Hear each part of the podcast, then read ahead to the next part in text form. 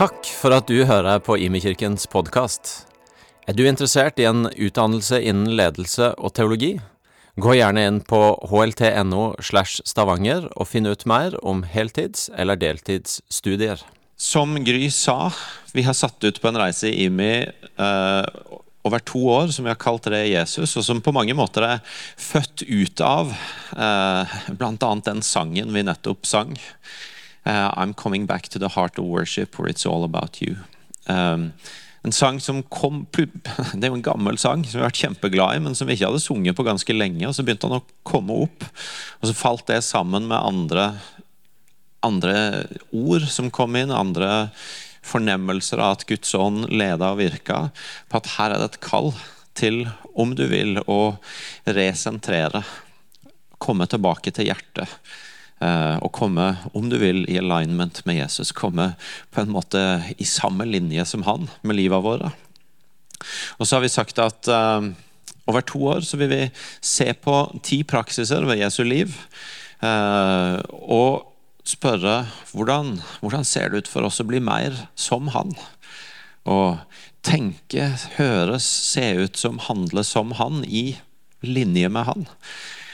Som vil det gode for livet vårt. Og Vi har begynt ut som Gry sa, med en praksis som heter hvile. Og som har vist seg å være en spennende praksis som har skapt masse samtaler. Fordi hvile for meg er ikke nødvendigvis det samme som hvile for du. Det betyr, Og så har vi jo skjønt at hvile er ikke noe som nødvendigvis bare kommer rekende på ei fjøl hvis vi bare sitter og venter på den. Den utfordrer oss faktisk på å ta noen valg for, for å få den inn i livet vårt. Og så hadde vi lyst til denne formiddagen at dere som er gjester på huset, skulle få smake litt på det fokuset vi har hatt, og at dere som hører til på IMI til vanlig, skulle få møte noe som ikke bare er en repetisjon av det som dere har møtt den siste måneden. Så da har jeg lyst til å si til dere som er på besøk og som tenker hm, høres spennende ut med dette Re-Jesus-greiene, at Alt som vi lager til rundt det, det fins på ei nettside som heter rejesus.no. Der finner du talene, der finner du huskirkeoppleggene med spørsmål osv. Og, og der finner du også en egen podkast som heter Re Jesus, og som, eh, hvor Geir, som er pastor her, har spennende samtaler med mange forskjellige folk om det fokuset. Jeg har lyst til å si at uh, Ute i bokkiosken så har de to bøker som vi har anbefalt så langt i serien. Det ene når vi snakker om hvile. Thomas Sjødin sin 'Mens du hviler'. Nydelig bok. Så vakkert skrevet. Og samtidig livsnært om hvile. Uh, solgt ut der ute et par ganger allerede, men nå har de flere av den. Og så er det Stian Kilde Aarebrot sin 'Gjøre høre', som nettopp handler om dette med å lese bibeltekstene med et fokus på at det blir praktisk, at det får lov til å forme oss og livet våre. Og at vi eksperimenterer med hvordan vi kan ta Jesu liv inn i våre liv. Og Med det sagt så har jeg altså da lyst til å ha en samtale her i formiddag med noen karer om litt det som har med hvile. Så nå må dere ta godt imot. Hei de fram, gjerne med en applaus. Magnus, Bjørn og Halvor.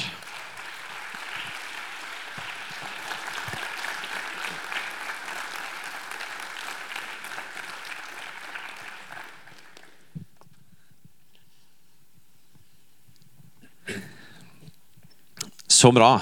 Du, vi må ha litt sånn, før vi går liksom rett inn i uh, det vi håper å komme til i dag, så må vi ha litt sånn lett oppvarming. Uh, så da kan vi begynne litt sånn mildt på dette med hvile. fordi at som jeg sa, uh, Noe av dette med å snakke om hvile er å finne litt ut hvordan hviler er. Um, og det er jo ikke sikkert at det som er hvile for meg, er hvile for du. Uh, så først et spørsmål jeg har lyst til å høre fra dere alle til. Det er liksom, hva, hva er din foretrukne måte å hvile på?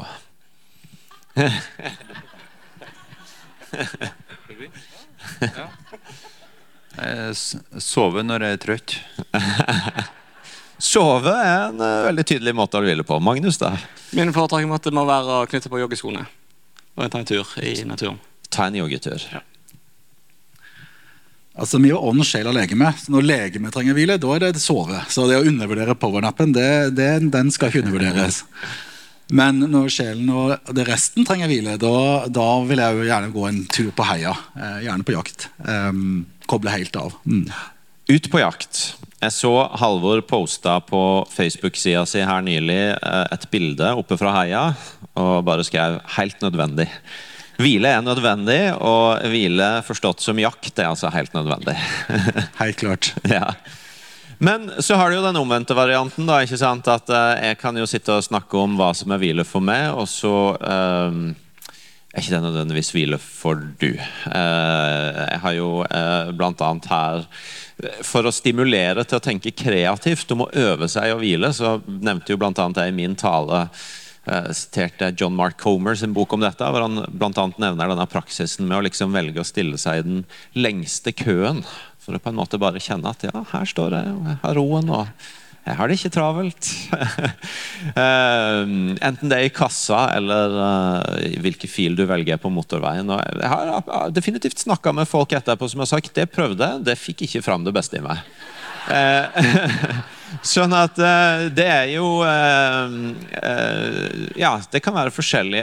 Halvor, hva er en ting som gjerne kan være hvile for andre, som absolutt ikke er hvile for du? Ja, jeg, et, kanskje ikke folk tenker hvile. De som kjenner meg, tenker hvile når de ser meg. liksom, Alltid. Uh, tenker kanskje Kanskje det er andre ting de assosierer. Litt sånn framoverlent type, du? Jeg kan nok være litt bulldoser av og til. men, men så hvile, og definitivt til de som er småbarnsforeldre her, hvile i den fasen, det er en god natts søvn. altså. Det er ikke tvil om. Og det er litt forskjellige sesonger, tror jeg. Uh, så, så, så, søvn er viktig hvile, og det tror jeg er en viktig rytme. kjempeviktig alt det der. Men for meg så tror jeg det, det å ikke alltid skru ned tempoet er hvile, men å skru over på noe annet. Og gjøre noe helt annet. Noe som har så mye betydning at du faktisk prioriterer det. Og at du kobler av fra det du vanligvis har god fart i, eller holder på med, eller trives med. Så, så, og Derfor er de tingene som jeg liker å gjøre. da, sånne ting. Og, og det, det, er ganske mye arbeid med noe av det. Det er mye planlegging. Det, det er liksom ikke bare sånn men det, det, er for den store sesongen. Og så kan det jo være bare det å være alene en gang. Sitte mye alene, eller være, gå alene en tur. eller et eller annet sånt. Og så, så tenker jeg at det er noen ganger en ikke skal hvile alene. Eh, og da skal en hvile i fellesskapet. Og det kan jeg si noe etterpå, men, men jeg tror det er forskjellige ting. Eh, og litt forskjellige sesonger hvordan en hviler, og litt de forskjellige nivåene av hva en hviler fra. Mm. Men for du så er det ikke nødvendigvis det å skru ned tempoet hvile? Ikke nødvendigvis. Av og til skru opp tempoet og, og gjøre noe helt annet. Og bli skikkelig gåen eller bli skikkelig kjørt. Det er veldig fint. Da hviler jeg godt etterpå. Mm. Magnus, da, er det noe som eh, gjerne blir omtalt som hvile for andre, som ikke er det for du? Eh, ja, det er det definitivt. Um, og det, jeg tror det mest nærliggende å sette ord på da, det er jo din introduksjon her med to bøker. Så takk for den. Eh, strålende med bøker, og det er strålende når du finner plassen til å lese en bok, men for meg så er ikke det drikkehvile, nei. Så det bringer feil vei. Og For øvrig, eh, køkulturen syns jeg er en veldig artig ting. Eh, Jeg kan kanskje være tidsoptimist og ha det veldig travelt på motorveien, men jeg prøvde ut å legge meg i feil fil. Jeg vet ikke om jeg gjør det hver dag. Stemmer, stemmer. Nei, men jeg er redd for at du prøvde. Ja, Så kan vi snakke mer om det med bøker etterpå. Eh, Bjørn, er det noe som ikke er hvile for du? Ja, eh, dette begrepet alenetid det, det, det ikke det, det skjønner jeg helt. Nei. Altså, jeg vil gjerne være alene når jeg skal arbeide og konsentrere meg. Da vil jeg ikke bli forstyrra. Men når jeg skal slappe av, da, da kan jeg godt gjøre det sammen med andre folk. Og til slutt, litt sånn i, i eh, denne oppvarmingsrunden, kan du Magnus si én ting du har lært om hvile når vi har hatt det fokuset i denne måneden? Ja, én ting. eh, Det blir mer enn ett ord. Men én ting jeg har lært, er vel at eh, det jeg trodde var hvile, var kanskje ikke hvile. Eh, Så det betyr eh, Mitt svar i stad var at jeg knytter på joggeskoene for å springe en tur. Noe jeg er veldig, veldig glad i. Eh, Så merker jeg at eh, eh, dette fokuset her har vært sånn at um, en joggetur kan òg være stress. Uh, Så det har vært bevisst å ta et valg om at uh, nå må tankene få lov å fly vekk, og så må jeg få lov å være i steget, som jeg kaller det, og pusten og naturen. Uh, Og så blir det hvile. Men hvis jeg er i full fart i tankene, så blir det ikke hvile. Veldig bra. Eh, Halvor, har du lært noe om hvile? Jeg lærer stadig noe hele veien, mye om hvile. Og jeg opplever at ikke er noen ekspert. Men det å jeg har, fått, jeg har fått lov til å kikke litt sånn i retroperspektiv på en del av de tingene jeg har valgt å gjøre og gjør. Og ser at noen av de tingene, sånn som Magnus her nå, det, du kan gjøre den samme tingen, men med feil inngang. Og da blir det ikke hvile. Så, så det å være til stede og ta bevisste valg det, på det er kjempeviktig. Mm. Og Bjørn, du skal få sjansen til å si om du har lært noe. Eh, ja, det har jeg absolutt. Eh, det får jo til å reflektere, og det, det refleksjonen er hvor, hvor har jeg min verdi? Altså Vi er jo i en kultur der vi kanskje har verdi ut av hva vi produserer og ut av hva vi gjør. sant? Og Hvis jeg hviler, da produserer jeg ingenting, og dermed går min verdi ned. sant? For da tjener ikke jeg noe i den tida jeg ikke gjør noe. sant? Så hvis jeg tar fri en dag, så går produksjonen ned, og da har jeg mindre verdi. Men eh, så er det jo eh, hos, eh, eh, hos Gud, da, så har vi ikke verdi ut ifra det vi produserer, men ut ifra eh, den vi er i relasjon med Han.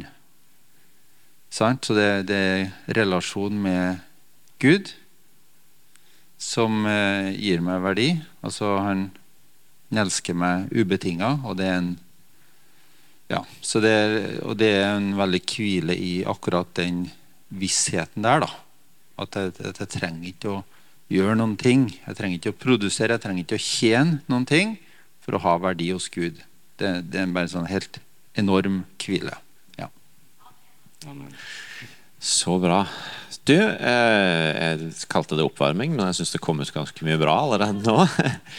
Men jeg har lyst til å lese en tekst som har vært viktig for oss i eh, disse ukene. Det er Jesus som snakker i Matteus 11 fra vers 28.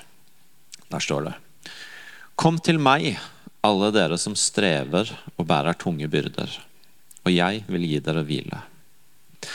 Ta mitt åk på dere og lær av meg, for jeg er mild og ydmyk av hjerte. Så skal dere finne hvile for deres sjel. For mitt åk er godt, og min byrde er lett. Vi har snakka ganske mye i disse ukene når vi har snakka om hvile, om det å senke tempoet. Um, og det tror jeg er en kjempeviktig del av det med hvile. Vi lever i en kultur hvor tempoet rundt oss er veldig høyt. Og eh, hvor det er ganske vanskelig å finne hvile hvis vi skal hele veien henge med i det hamsterhjulet som finnes rundt oss. Uh, sist søndag så sa Hanne Therese noe om at målet er jo ikke å bli mester av dette for å beherske hvilen, men det er uh, at vi har lyst til å være et folk som bærer fred. Og Skal vi bære fred, så må vi også ha et forhold til tempoet i vårt eget liv og tempoet rundt oss. Så det, det, har vært en sånn kjempeviktig ting for oss å se på. Men så her snakker jeg jo Jesus om de som strever og bærer tunge byrder. Han inviterer de og sier 'jeg vil gi dere hvile'. Og så sier han at vi skal finne hvile for vår sjel.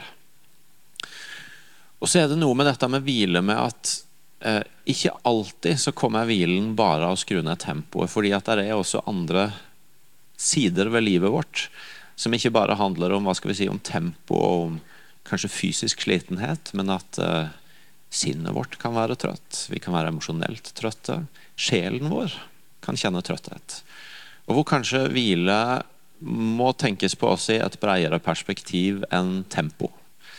Og Det hadde jeg lyst til å ha en liten samtale med disse om i dag. Vi kommer helt sikkert ikke til å dekke alt, men jeg håper at vi skal komme innom noen ting som kan gi litt perspektiver på det når Jesus sier dere som strever og bærer tunge byrder, kom og få hvile. Og kom til meg og få hvile for deres sjel. Øystein hadde en respons på lovsang i går hvor han snakka om sjelen som noe veldig dypt i oss. Det er ikke alltid engang at vi er helt i kontakt med hva den vil, og hva den roper etter. Og så sier Jesus, kom og finn hvile for deres sjel. Og Dette har jeg lyst til å snakke litt med dere om. Eh, og Halvor, du skal få lov til å begynne. Eh, fordi at eh, i de ukene vi har hatt nå vi har snakka om hvile, så har du også opplevd noe som jeg vet du syns har vært vondt. Eh, nemlig at en, en, nær og god venn eh, døde veldig brått og uventa. Sven, som også mange som er her i rommet som har en IMI-tilhørighet. Sven Reveheim, 64 år. Eh, vært en del av menigheten i ti år. Hatt en utrolig reise med Jesus. Eh, hadde begynt på Akta bibelskole i en alder av 64 i høst. Eh, og dere gikk ganske tett sammen. Eh, og plutselig kommer det en telefon om at han er funnet død hjemme. Før vi, før vi kobler på hvile, kan du ikke bare si noe om åssen disse par ukene har vært for deg? Ja. Det, det, var, det er et sjokk fortsatt. Og det var et sjokk å få den telefonen. At en god venn sånn så brått, så uventa bare faller om hjemme. Eh, og er død. Eh, vi hadde vært sammen en tirsdagsmorgen på bønnetimen. Han hadde vært på en pulslederdag for lørdag for tre uker siden. Jeg hatt så sterke møter med Gud. og det var så mye planlegging framover. Og så plutselig så er det over. Det, det er bare sjokk. og jeg, Mange av dere har erfart av sjokk på andre måter, men det, det er veldig veldig sjokk. og det ja, Så du du vet jo ikke helt hva du tenker og tror. Og, eller vet i nuet, Og så kommer følelsene litt mer på etter hvert, og så, så er det vanvittig vondt og vanvittig trist. Og jeg er midt i det ennå. Så du går jo ut og inn av det eh, hele veien. Um, ja. Så det Men i det da, så er jo det nettopp å få lov til å komme til Han eh, som sier det. At vi kan komme med alle ting. Eh, og òg denne situasjonen. Eh, Sven har det fantastisk godt nå. Eh, så har vi har vi det litt annerledes. Um, mm. For sorg, det, um, og det å kjenne på tap, det er jo på en måte noe som kan sette seg ganske godt i oss. Uh, vet at det er følelser vi kan bli trøtte av i forhold til hvile. Men også at det på en måte uh, setter seg i oss på en måte som Ok, hvordan, hvordan finner jeg hvile midt i dette? Har du, har du, gjort deg noen tanker om det, og noen erfaringer på det? Jeg har gjort noen tanker på det, og sikkert mange av dere som har gjort mange andre mm. tanker og erfaringer på det. Men det å, å sorgarbeid er jo en egen det, det, det, er det mye om som er godt å leve i, eller viktig å leve i. Eh, ikke neglisjere det, men, men, omfavne det som er nødvendig. Og så var det litt spesielt, for jeg tror det var Ole Martin han talte i Tananger for 14 dager siden, eller søndagen før dette skjedde og snakka om dette med gleden i Herren. Og så snakka vi om det, det, at livet er mangfoldig, sant? og der er sorg. Um, og når du opplever sorg, så gir sorgen plass, men ikke gi den hele huset. Var en av setningene han sa. Og det har jeg tenkt litt på det i denne tida. Det, og, og, Den har en viktig plass, og den er viktig nå, men han skal ikke få hele huset, for det er en takknemlighet. Det er andre ting òg som er til stede samtidig. Og det, det syns jeg har vært godt å kjenne hvile i. Og så tenker jeg helt konkret hvilen i Jesus, er, det er sant. Det er helt konkret. Det å få lov å si ting til han høyt eh, Før begravelsen til Sven så var jeg halvannen time før på grav, gravplassen. og Så gikk jeg og så, den tomme grava. og så gikk rundt der og snakka med Gud og sa ganske mange ting til han og bare tømte hjertet mitt. Og, og da kjente jeg på at da, da kunne jeg bare ta mot hvilen etterpå. For du bytter den sinnet, frustrasjon, tristheten, alt det som, som naturlig er der, eh, med det han har. Da. Og han tåler det, eh, og han vil ha det. Så det, det var en av de tingene. Og så det andre tingen som det verset sier noe om, eller, eller helheten, da, det er fellesskapet vårt. At en kan hvile i fellesskapet. Um, og det, For meg så ser i hvert fall det sånn ut at uh, det at det er nok mennesker rundt meg som vet hvordan jeg har det nå, til at jeg, da hviler jeg. Um, så jeg, jeg, tror på det å være alene med ting, men det er noen ting du ikke skal være alene med. Og det var Sven veldig tydelig på. husker jeg Han sa så mange ganger. At eh, da kan vi hvile i fellesskapet.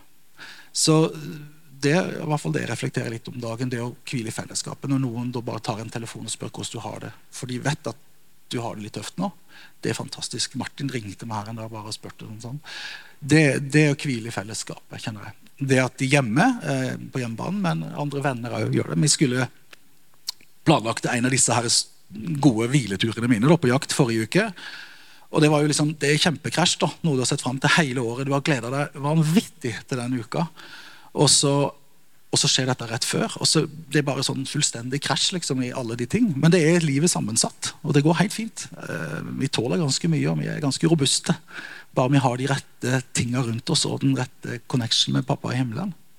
Og da bare få lov til å si til de noe om at dette er min situasjon nå gjorde at jeg kunne hvile den uka på en, en annen måte. Um, så det å hvile i fellesskapet, det å hvile i relasjoner eh, der andre kan være med og, og på en måte bære noe av byrden, da, som Bibelen helt klart tydelig taler om, det opplever jeg som hvile nå.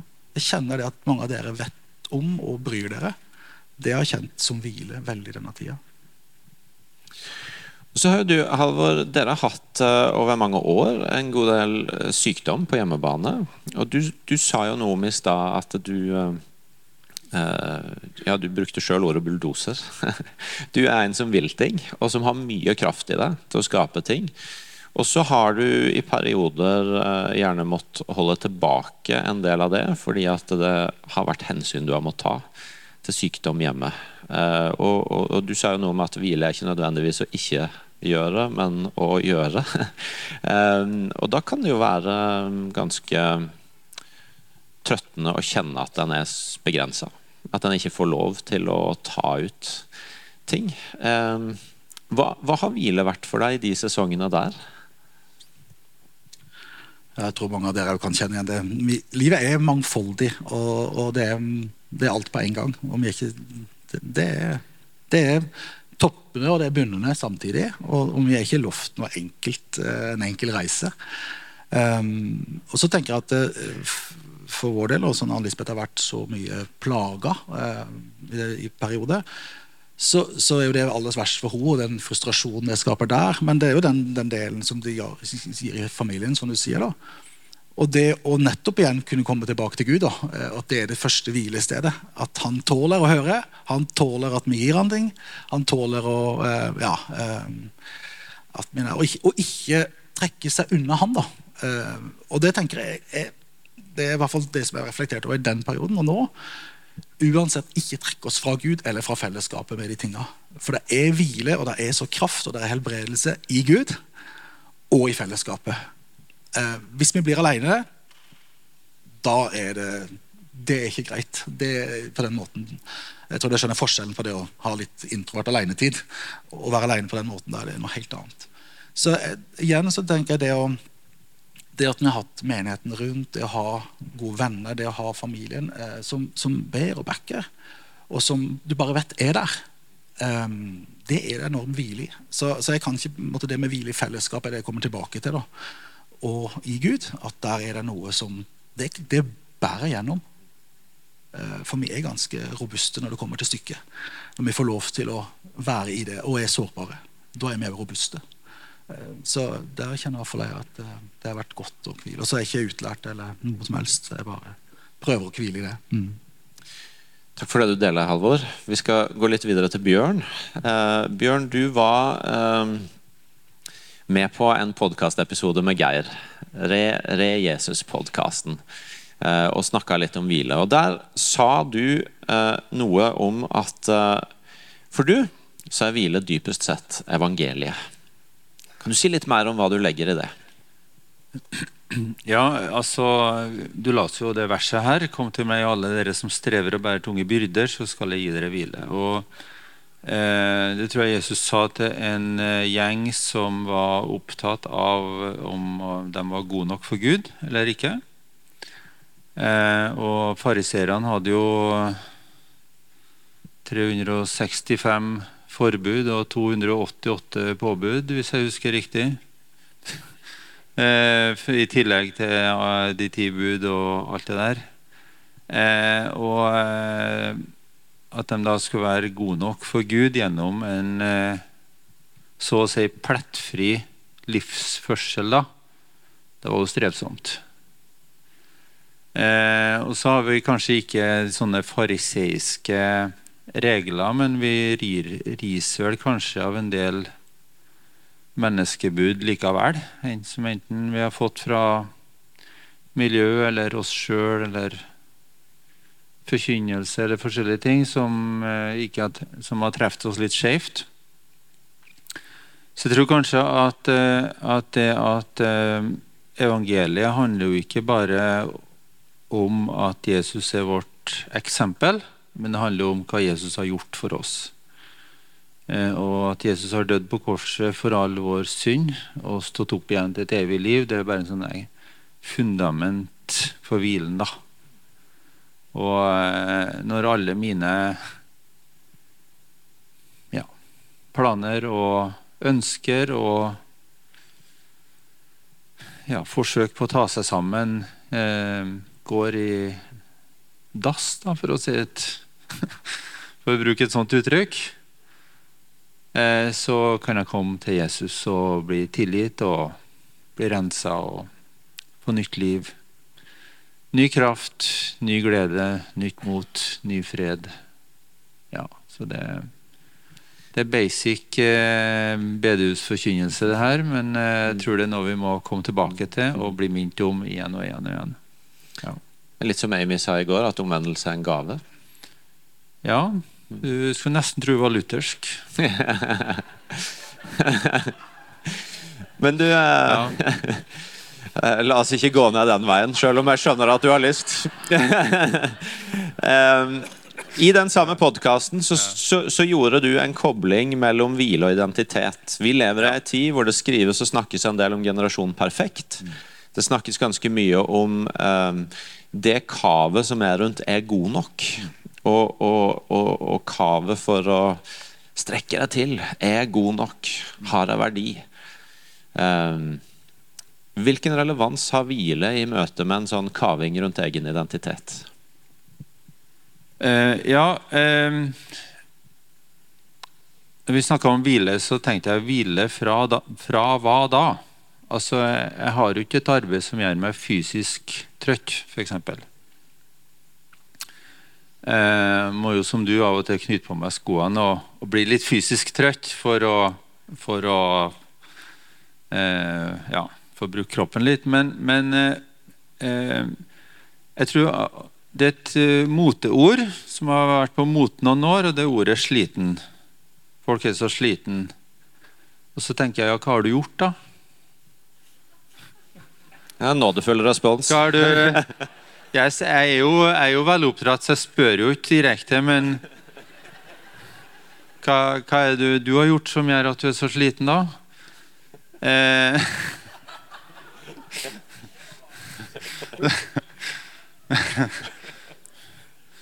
ja, gått til busstoppen. Ja, eh, men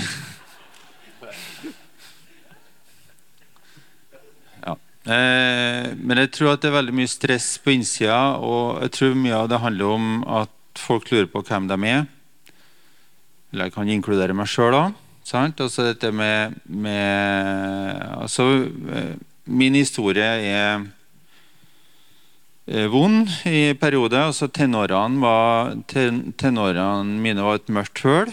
Vi, vi flytta litt som familie, så jeg bodde, gikk på tre forskjellige ungdomsskoler. Og jeg husker jo ingenting fra undervisningen eller timen, for jeg satt jo hele tida og lurte på er det noen som liker meg. Sant? Er det noen som bryr seg om meg her? Er det noen som har jeg noen verdi her? Og sånne ting. Og, og det, det tror jeg er Det tror jeg er Altså mange som eh, i perioder, eller ja, korte og lengre perioder, har, har eh, som et Det er sånn overskrift på livet, da. Altså hvem er jeg? Eh, og det er jo her at eh, vi kan komme til Jesus igjen. da. Altså det er jo I forlengelsen av evangeliet så er dette at eh, du også finner en hvile for, for det stresset òg. Altså at Jesus han forteller oss hvem vi er. Altså Du er skapt i Guds bilde. du er ja, Og alle de tingene. da. Altså eh, Vi er frelst, vi er tilgitt, vi er tatt imot.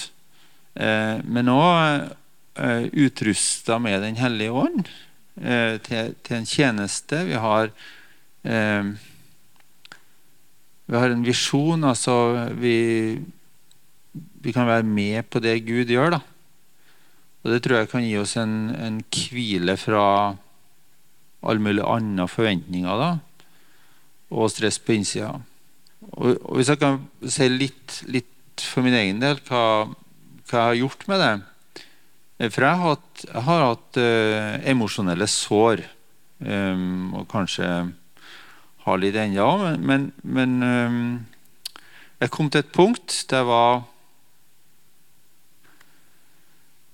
ja, siste halvdel av 20-årene, kanskje, der jeg sa at dette går ikke lenger. Det var kanskje Marit som sa at det ikke gikk lenger. jeg tenker meg om. Eh, men eh, det gikk gradvis opp for meg da, at eh, jeg måtte ta tak i det. Eh, så jeg gikk i veiledning. Eh, og få gå i veiledning, eh, sjelesorg, og få eh, hjelp til å sortere på en måte den emosjonelle bagasjen litt. Eh, hva, ha, hva, var godt, hva var dårlig, hva vil jeg ha med meg videre, hva vil jeg legge bak meg? Eh, jeg kom eh, Nå er jeg litt personlig, da, men jeg kom ikke så langt i veiledningen at jeg bare kunne tilgi ting som har skjedd. Det sto igjen, da, på en måte. det kom på et litt sånn uventa gudsmøte. Ehm, jeg var en plass, og, og det var tema. Og så fikk jeg hjelp til å legge det, legge og det over på Gud. Eh, og, og, gi tilgivelsen videre, som jeg har tatt imot. Så det var, det var, det var utrolig godt. Men, jeg, men jeg, jeg, tror kanskje ikke det hadde skjedd Jeg vet aldri hva som ville ha skjedd, da, men eh, veiledningen, sjelesorgen på grensa til terapi, var, veldig, var, en veldig nyttig ryddejobb også. Eh, så for min del så var, så var det mm, ja, utrolig, utrolig, utrolig nyttig. Eh, men det kosta. Eh, det var, det var strevsomt å grave opp i ting og så begynne å kjenne på de følelsene jeg hadde hatt som barn og tenåring, og som ingen på en måte rundt meg evner å ta imot. da. Og det å kunne eh, begynne å gråte i et rom overfor en voksen mann altså Det var ja, tok litt tid før vi kom dit, men, men, men det å gå den prosessen da, det var, det var veldig strevsomt. Eh, men det har gitt noen veldig gode frukter. da. Og, og det å ha trygghet på, på den jeg er, eh, i Gud, i fellesskapet, men også i meg sjøl, eh, det var veldig, veldig, veldig nyttig. da. Takk for at du deler. Uh, du, jeg skal spørre deg om én liten ting til. Uh, du har sagt noe fordi at uh, eh, det kan kanskje oppleves som at det er lettere å bli konkret og praktisk når vi snakker om hva vi kan gjøre for å senke tempoet enn hvis en skal tak i det som handler om å finne hvile, f.eks. i møte med identitetsspørsmål. Og nå har jo du nevnt veiledning som én ting, men, men, hvis du skulle være Gi noen andre sånne eh, tips på hvordan kan dette se ut praktisk? Hva kan en gjøre i møte med det for å finne hvile?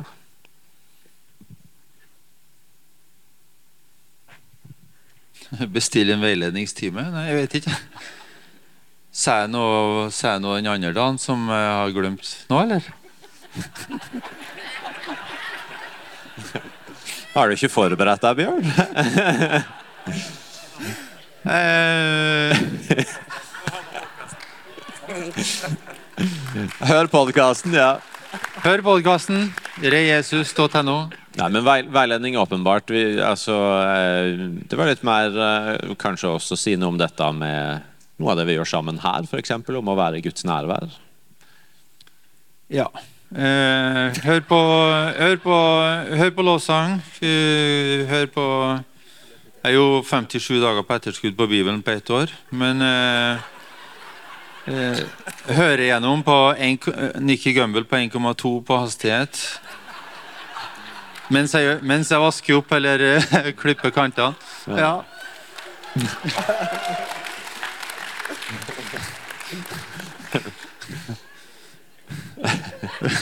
Fant låne over på 1,5 òg, men da, da har jeg det travelt. Eh, jeg hører andaktene sitter på do, men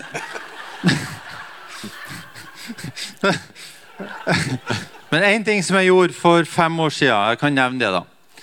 Eh, jeg hadde, hadde, fri noen dager og gikk sammen med en god kompis, god venn som mange av dere kjente, Trygve Maldal, som ikke, heller ikke lever lenger. Eh, han har nettopp blitt pensjonist, så han hadde masse tid. Tror jeg. Jeg vet ikke helt. Eh, vi skulle i hvert fall gå over Hardangervidda. Eh, og da fra sånn turisthytte til turisthytte. Fem dager, ca. to mil hver dag. Eh, og eh, det å være helt avkobla i noen dager og så bare gå, gå, gå, gå, gå. Eh, slite ut kroppen skikkelig. Eh, hadde jo feber også i noen dager der, så jeg gikk ned noen kilo. Fikk ikke ned maten. Men, men, men det å gå og gå, eh, og på en måte bare tømme hodet Se på stein, se på blomster, se på vann, se på vær, se på vind.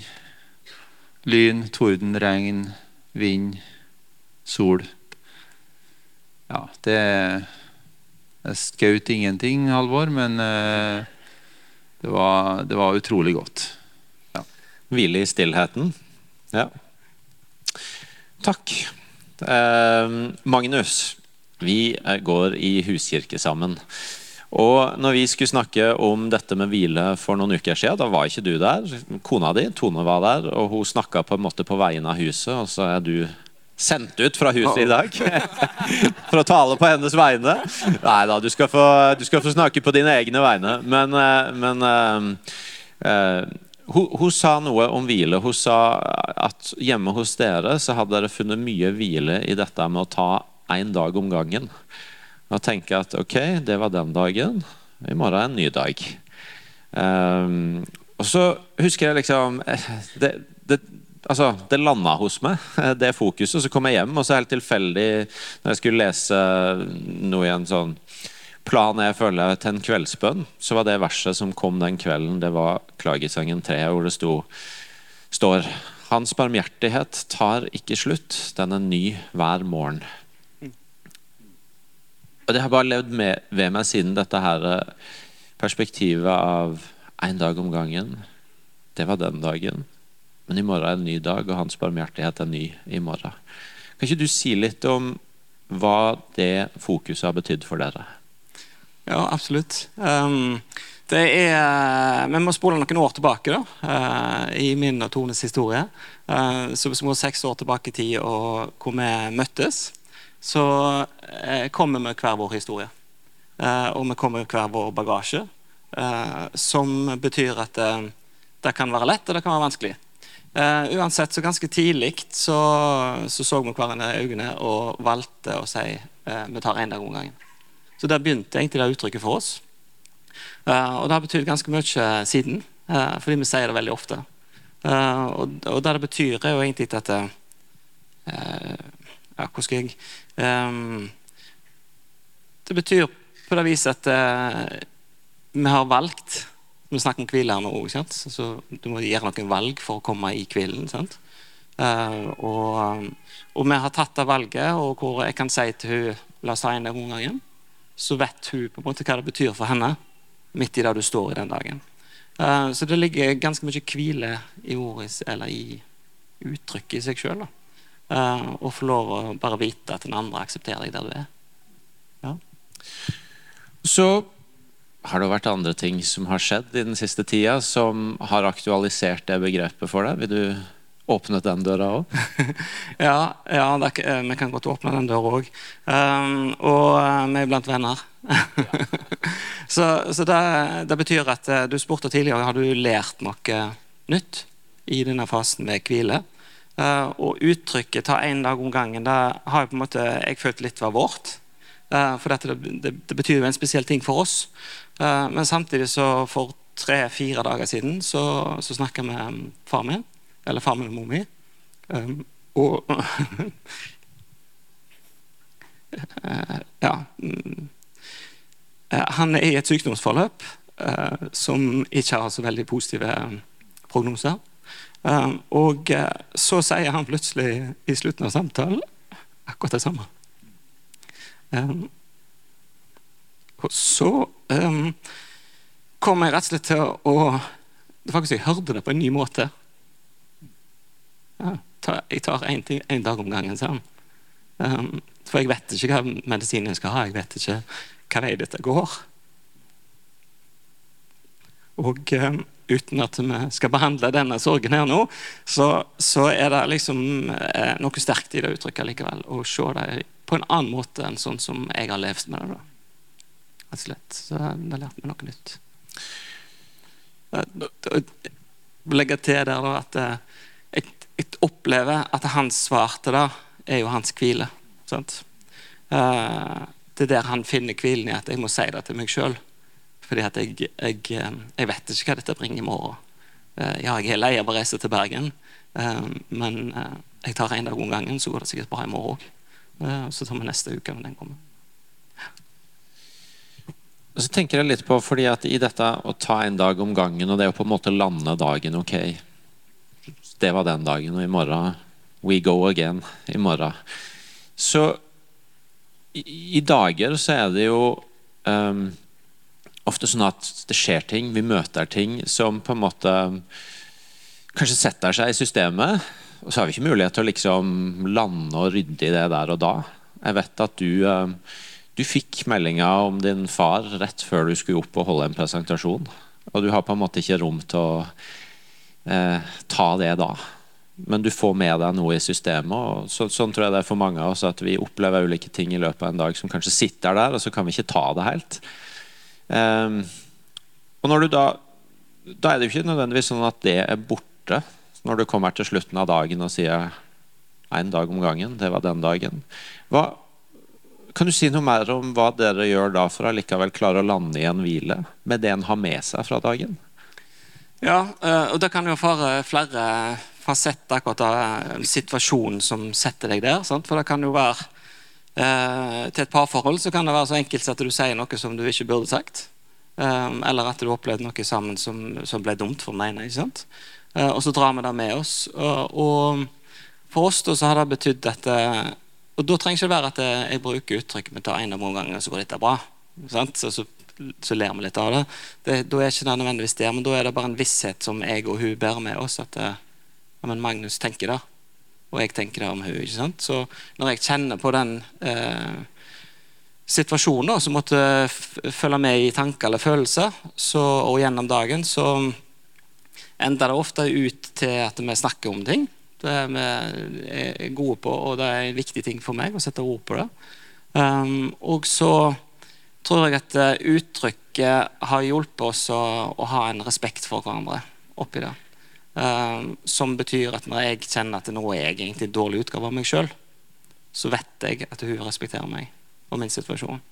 Så ender det ofte ut i slutten av den dagen, uh, eller det kan òg selvfølgelig falle på neste dag, at uh, kommentaren kommer den ene eller andre veien. At 'takk fordi du tåler meg sånn som jeg er'. og så kommer jeg her igjen. Jeg er fullt av følelser, så derfor ser dette sånn.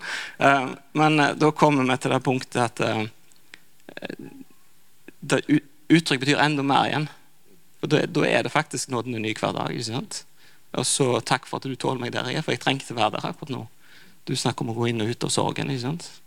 Og da vite at noen rundt deg kan akseptere for at eh, nå trenger jeg være der.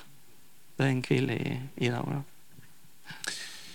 Du er ganske engasjert eh, her på huset med Teleios og ting som går opp mot Teleios veiledning, slike ting.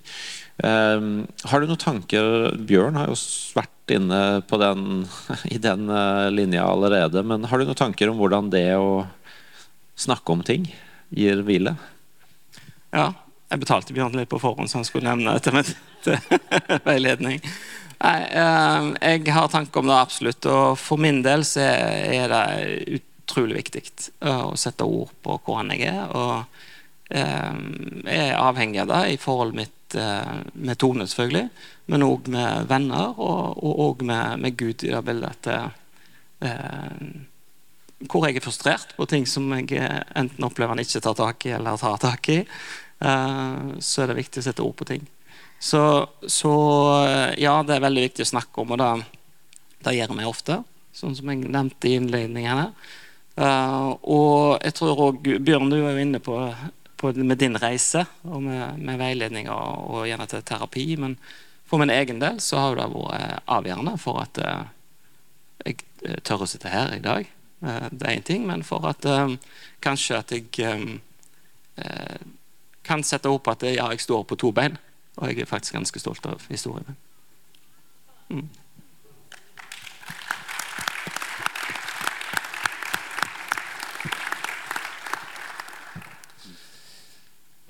Takk for at dere deler. Um, ja, jeg tror vi sier det sånn. Takk for at dere deler. Dere skal få lov til å gå ned.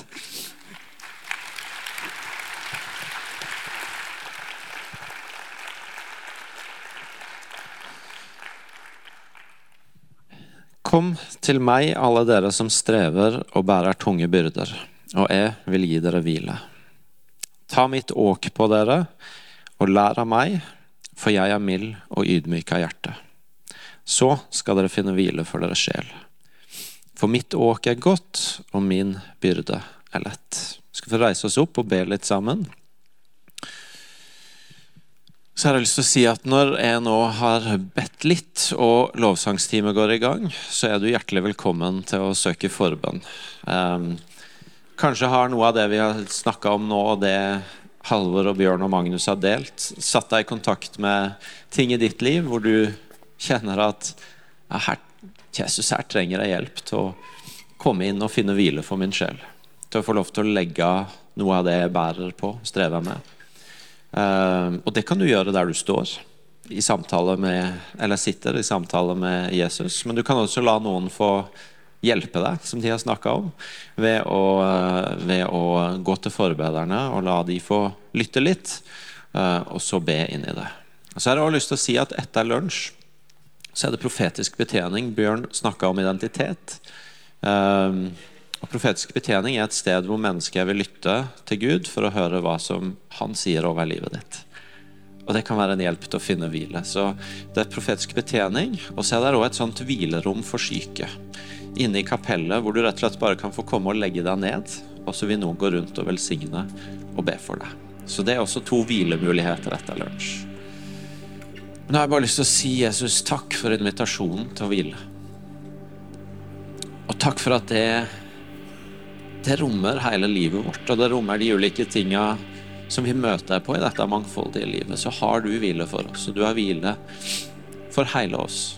For kroppen vår, men også for sinnet vårt og følelsene våre og for sjelen vår. Og nå har jeg bare lyst til å invitere deg, Hellige Ånd, til å virke i dette rommet. I møte med ting som er strev på innsida. Kom med din legedom, kom med din kraft. Kom med din evne til å slå åpent ting som kanskje er låst, men som suger energi. Og starte en, en, en vandring mot hvilen.